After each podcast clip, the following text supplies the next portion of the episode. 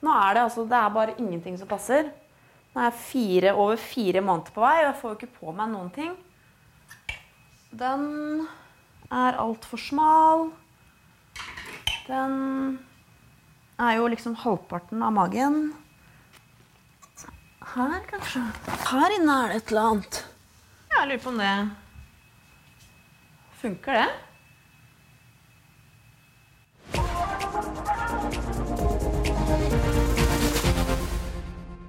Ja, Kjell Magen, er du glad for at jeg tok meg dette her Ja, jeg syns det passer bedre på TV, da. Ja. Jeg må si det, Men jeg skjønner jo at dette er et hint til en tidligere sending. Ja, det ble mye oppstyr i helga på Skal vi Det ble det. Men nå er jo vedkommende tatt av, da. Ja. Syns du det var bra? Eller? Ja, jeg syns det var greit. Det var en eh, voksen avgjørelse. For jeg syns jo ikke noe om sånne stunt. Nei, du gjør ikke det?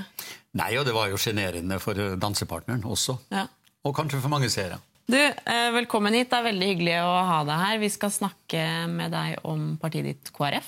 Eh, Litt senere skal vi få inn Sven Nordin og grunnlegger av Se og Hør, Knut Håvik. Men først, altså i høst skal KrF ta et valg igjen eh, og bestemme seg om de skal samarbeide mot Erna Solberg og Høyre eller mer mot venstresiden med Jonas Gahr Støre. Og så tenkte jeg på dette her, og så tenkte jeg at uansett egentlig hvem hvilken side de velger, og hvis de går inn i en regjering med Erna Solberg eller Jonas Gahr Støre på et eller annet tidspunkt, så vil det være helt naturlig at Knut Arild Hareide ringer til deg og spør deg om du kunne tenke deg å være utenriksminister. Det, min tid er nok forbi politikken. Eh, De har andre gode kandidater. Jo, men husk, altså Jens Stoltenberg ringte til Sigbjørn Johnsen 15 år etter at han hadde vært finansminister for eh, Gro Harlem Men han hadde ikke passert 70 da, sånn som jeg. vet du. Nei, du hadde- du han har eh, ikke- sikkert andre, andre gode kandidater, så yngre som han nå kan bruke. Du hadde ikke sagt nei til å bli utenriksminister? Nei, det, Jeg tror ikke det er tiden for meg nå. Partiet bør bruke unge, dyktige folk som har framtida foran seg, ikke de som har den bak seg. Men kunne du sittet i en regjering da, hvis Frp også satt rundt bordet? Det ville nok vært veldig problematisk for meg, ja. ja. For jeg har jo aldri lagt skjul på at jeg syns avstanden mellom våre to partier i verdispørsmål er veldig stor. Sånn at eh, For KrF nå er det ikke spørsmål om Støre eller Solberg, men det er jo i tilfelle Solberg spørsmål om å sitte i regjering med Frp. Og eh, noen tror vel kanskje at min eh, kritiske holdning til det skyldes vanskelig forhold til Carl I. Hagen, men det er feil. altså Vi kom greit ut av det. Vi gjorde flere budsjettforlik og andre dealer. vi. Men eh, hvis en ser på disse to partienes program, så er det en helt forskjellig agenda hva en er opptatt av. Av viktige spørsmål. Og da er det viktig å huske at KrF er på mange måter et annerledes parti. Eh, en ting er denne høyre-venstre-skalaen. Der har alltid KrF ligget i, i midten som et sentrumsparti. Men det er en annen dimensjon i politikken som etter vårt syn er mye viktigere. og Det er hvordan en stiller seg til sånne grunnleggende verdispørsmål som menneskeverdet, solidariteten med fattige eh, hjemme og ute, eh, ruspolitikk eh, og biogenteknologi for å hindre et sorteringssamfunn. Det er sånne spørsmål som identifiserer KrF. og det gjør at En kan ikke bare plassere det enkelt på en sånn høyre-venstre-skala. noen som, som sier, så Nå må du liksom bare ta stilling for høyresida. Så enkelt er det ikke. Det er vanskelig for Knut Arild eh, om dagen. Han må ta et valg. Noen kommer til å bli skuffa uansett hva han gjør. det er helt sikkert. Eh, snakker du mye med han? Han, eh, Knut Arild er en klok partileder, så han snakker med mange. Eh, og han snakker også med noen av oss som har gått ut av politikken, men som har vært ute i vinternatt før. Ja. Og vært oppe i krevende situasjoner.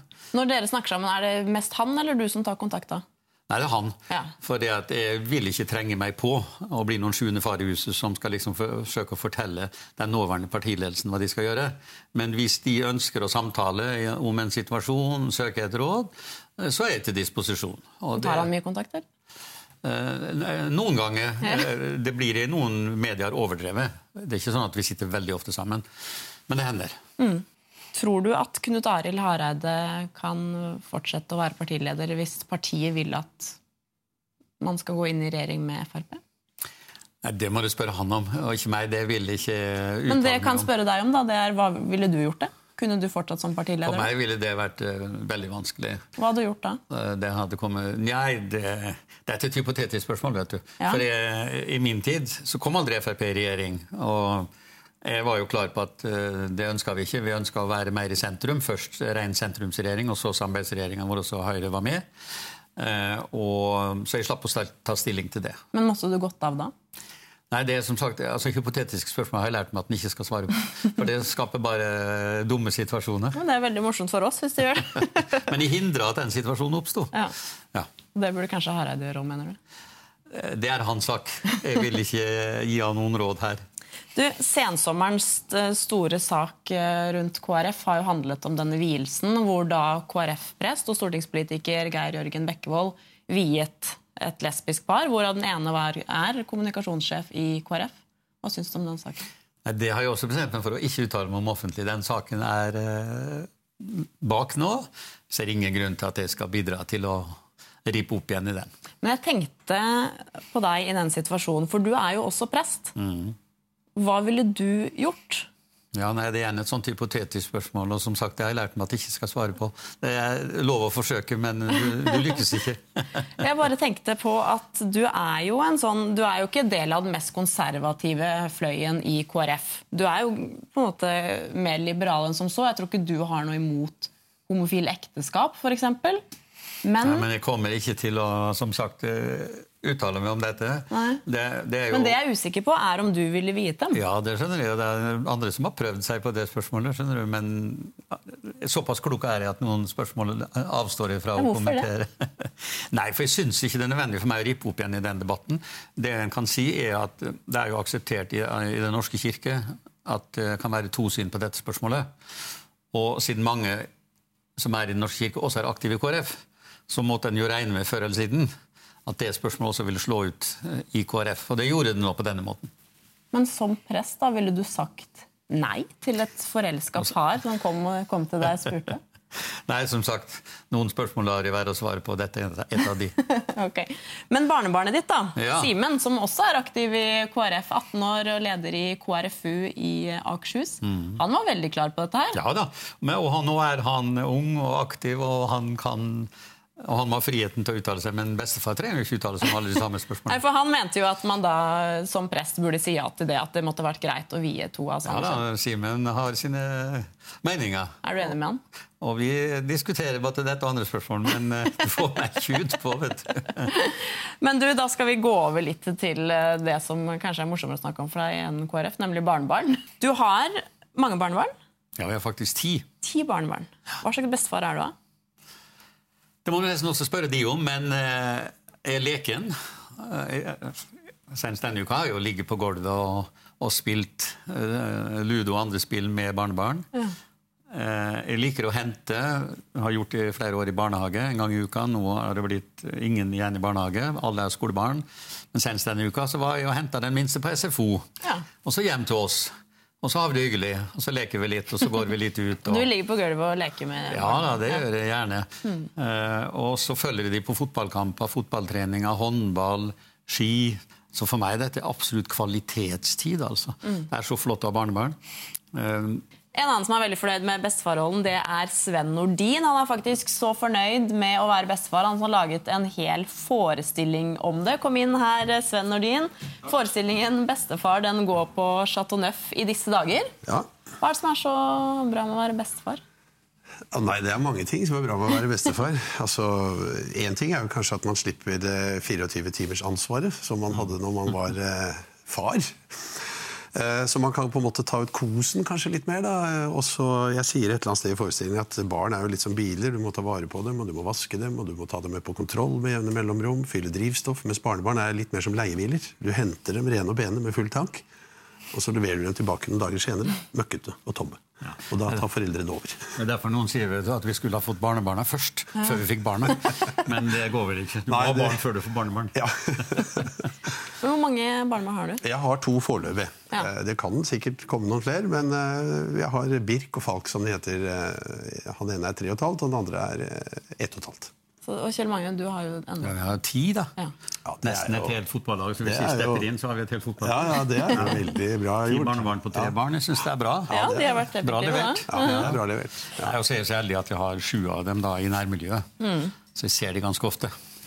Men en hel forestilling om å være bestefar, Sven, er det, er det nok stoff å ta av der? Uh, ja, det vil jeg si det er. Men det, den handler jo ikke bare om bestefarrollen. Det er litt, eh, det er litt utgangspunktet. Uh, men den handler jo også litt om dette med å være liksom i livets høst. At man på en måte har litt sola i ryggen, som man sier, passert 60 og begynner kanskje å bekymre seg mer over eh, den biten som står igjen av livet. ikke sant? Eh, helsa, problematikk rundt det at man gjerne, liksom, selv om man begynner å bli 62, så føler man seg fortsatt 30 i hodet sitt. Og jeg skal ikke være gammel, jeg skal spille golf, jeg skal kjøre motorsykkel, og jeg skal gjøre alle de tingene jeg gjorde da jeg var yngre. Og så ser man seg i speilet, så ser man liksom at vel, den mentale alderen er ikke helt overens med den rent fysiske.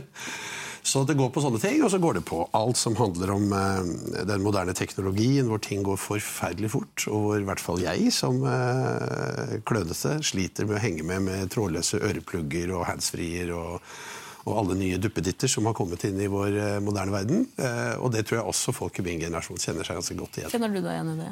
Kjenner meg absolutt igjen. Jeg kan de mest elementære tinga, men ikke noe utover det. Så hvis det oppstår problemer, som det stadig gjør, enten med datamaskin eller iPad eller iPhone og alt dette her, så kaller de på barnebarna, for jeg har fått såpass store barnebarn at de går jo inn og løser dette med ja, ja, ja. en gang. faktisk. Ja, det gjør de. Først brukte de barna, men nå har jeg begynt å bruke de eldste barnebarna. Du, Vi skal faktisk få inn en bestefar til her. Ja, jeg tenkte liksom at det er altfor få eh, menn over 60 på norsk fjernsyn. Ja, så, så nå skal vi gjøre en liten sånn dugnad for det. Velkommen inn i studio til deg også, Knut Håvik. Takk. For det er faktisk 40 år siden bladet Se og Hør ble grunnlagt, og du var eh, grunnleggeren, Knut.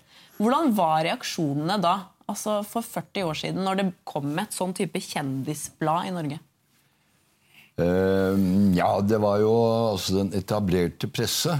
Uh, spesielt Dagbladet, kanskje. Og jeg gikk jo fra VG som nyhetssjef og til Se og Hør. Fordi vi fikk en ny redaktør som vi ikke kom helt overens med. Og det er jo klart at de var ute etter oss uh, så godt de kunne. Men, men jeg jeg sa til mine medarbeidere at uh, enhver historie sier jeg hører skal være like interessant enten du bor i Halden eller Hammerfest. Og enhver historie sier jeg hører skal være like interessant enten leseren er en mann eller kvinne. Kjente mennesker, det er det som selger på forsiden. Mm. Mens inni bladet skulle du ha den miksen som jeg uh, hadde proklamert. Og kjente mennesker altså, jeg mener jeg Eh, Kjell Magne her, han eh, Altså, du, du, kan ikke bli statsminister i Norge uten å ha stilt opp i Se og Hør. Det er i hvert fall helt sikkert. Og han har stilt opp Ja, det har han. Dette her, eh, Kjell Magne, var jo ganske ja da, det var en spesiell historie. det. Altså, Vi har nok unngått disse hjemme hos. Slapp, slapp dere aldri inn i leiligheten. Nei. Eller eh, Men på inn hytta. på doen? Men ja, dette er på doen kirke i Molde. det var der vi forlova oss, faktisk. Ja. Det var det, ja. ja, det var det. Altså, vi prøvde først å sette på ringene oppe i våpenhuset på vei inn til en gudstjeneste. Det skulle være veldig høytidelig. Så kom det så mange vi kjente, så vi løp uh, ut og ned ei trapp. Og så kom vi ned der i et ungdomslokale, og så hørte vi at det kom noen ned trappa, og da styrta vi i nærmeste dør, og det var toalettet. Der satte vi på oss ringene. Ja. Så da var jeg glad at ikke de datt oppi skåla. Men hvorfor stilte du opp på det? Ja, det var en morsom historie. Ja. Vi kom vel til å fortelle den, og da var jeg høre interessert i å skrive om det. Og det syns jeg er den type stoff som er ålreit å stille opp på. Ja. Og så har vi en annen her som du også har stilt opp på, som jeg syns var veldig morsom. Ja, jeg er jo gift med en av trillinger, da. Eh, hun som står i midten der for øvrig. Og det er klart det er litt spesielt. Og de er jo, som du ser, veldig like. Og så kledde Se og Hør de opp, og så ble det denne reportasjen. Det syns jeg også var ålreit. Ja. Men vi har vært veldig restriktive på det å slippe inn i stua vår. Ja. Enten det er på, i huset eller på hytta. Men det har du gjort, Sven? Ja da, jeg har hatt Se og Hør på besøk både på hytta jeg, med, med hummer og, og champagne, og, og, hjemme på Kampen. Men ikke sånn inn på soverommet. Jeg, vet ikke om det var du som sa det, Knut, eller om det var Oh, om det var uh, Nelvik. Ja, det var du som sa det. Altså, at, at eh, de kjendisene, ja, kjendisene må selv bestemme hvor langt inn på soverommet de vil at vi skal komme. Så vi på en måte har hatt veldig sånne ryddige reportasjer, uh, både hjemme og på hytta, egentlig. Og jeg Jeg ser på Se og Hør som et, et, et underholdningsmagasin. Og for meg som artist så har det vært helt sånn uvurderlig i mange sammenhenger å kunne uh, få lov til å uh, promotere ting i Se og Hør. Altså, det er jo en, en flott gratisannonse for meg, hvor jeg kan til og med få lagt inn hele turnélista mi iblant, sånn at folk vet hvor jeg spiller og sånn. Og det som skiller Se og Hør litt kanskje fra VG og Dagbladet, sånn, er jo at man kanskje får betalt for å stille opp. Eller du får en tur eller et nytt kjøkken eller et eller annet. Hvordan funker det? Hva er det man får for å stille opp? Hjemme hos, f.eks.? Eh, I dag husker jeg det ikke. Altså, det er klart at vi, vi betalte vel noen sydenturer, eller, og, men da var vi med. Og vi fikk eh, eh, fine bilder av Sven i bar overkropp. Og, det, det, må være mange år siden. ja, hva, er det, hva er det meste du har fått av Sven? Nei, du, det, det, husker jeg ikke. holdt jeg på å si. Men det er ikke, noe, det er ikke noen sånne, det er ikke store betydelige summer. Det er som du sier, altså Den turen betaler man jo ikke selv. Når man stiller opp i en sånn reportasje, så betaler jo bladet for reisen. For sydentur og Men stille opp på jeg får jo skyte ned at jeg aldri mottatt fem øre fra Se og Hør. Så det er helt greit. For det, men, men, men, tenk på alle de velgerne du har mottatt ja, fra Se og Hør! Det er mulig. Fordi at du er inne på noe der, altså mange har jo en del fordommer rundt KrF, og sikkert mot meg som KrF-leder i sin tid også. Så det at jeg kunne da eksponere meg slik jeg mener jeg er litt eh, mer folkelig og, eh, og lurer på om ikke det var noe med min fotballinteresse der en gang også. Ja. Så tror jeg faktisk det kanskje var med og brøt ned noen fordommer. Eh, og, og gjorde det lettere å nå fram i politikken. Men om en må ha gjort noe sånt for å bli statsminister, det vet jeg ikke. Men da får vi gi Jonas Gahr Støre det rådet, da, for han har vel ikke vært å se og høre ennå? Nei, han øh, er ikke så sikker på om han kommer heller. Nei, Vil du råde til. Nei, og jeg har, har, respekt for de som ja. ikke vil det, og i hvert fall ikke inn i den private sfæren. Det har jeg respekt for. Men til Jonas, da, ville du rådet han til å stille opp? Uh, da måtte jeg nesten vite hva slags historie han har å fortelle. For det bare at man stiller opp i Se og Hør med bilde og sånt noe, det holder ikke. Det må være en journalistisk historie bak enhver eh, artikkel.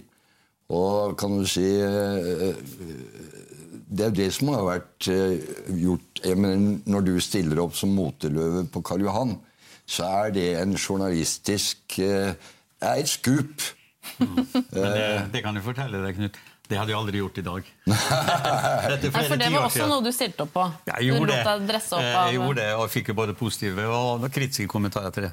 Men i dag hadde jeg ikke gjort det. Nei, hvorfor ikke? Nei, det er ikke meg nå. Det er ikke meg nå. Og, du har funnet stilen din nå. Ja. Jeg har sagt nei til mange spørsmål fra Se og Høre og Her og Nå i de seinere år. Det har jeg gjort. Ja, jeg må jo si at dagens politikere de er dødsens kjedelige. Var det, bedre, var det bedre før? Var det bedre før? Mye bedre før. Takk skal du ha. Ja, tenk, tenk, på Kåre Willoch og Gro Harlem Brundtland.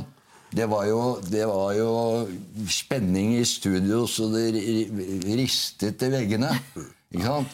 Nå er man så høflig og ja, Nei, det er, det er blitt Det er blitt vans vanskeligere å være Se og Hør i dag enn det var på min tid. Men er det, altså du, Sven, du har jo sagt at du, du, har jo stilt opp på en del hjemme hos og diverse. Men er det noe du har gjort som du angrer på at du har stilt opp på? Du, jeg har prøvd å tenke gjennom eh, etter mitt uh, langvarige å si, uh, liv sammen med Se og Hør, om det er noen ting som jeg liksom angrer på. Og jeg kan ikke si at det er det. Jeg syns de, har vært veldig snille med meg. altså. og det kanskje handler om at jeg har vært ganske snill med dem òg.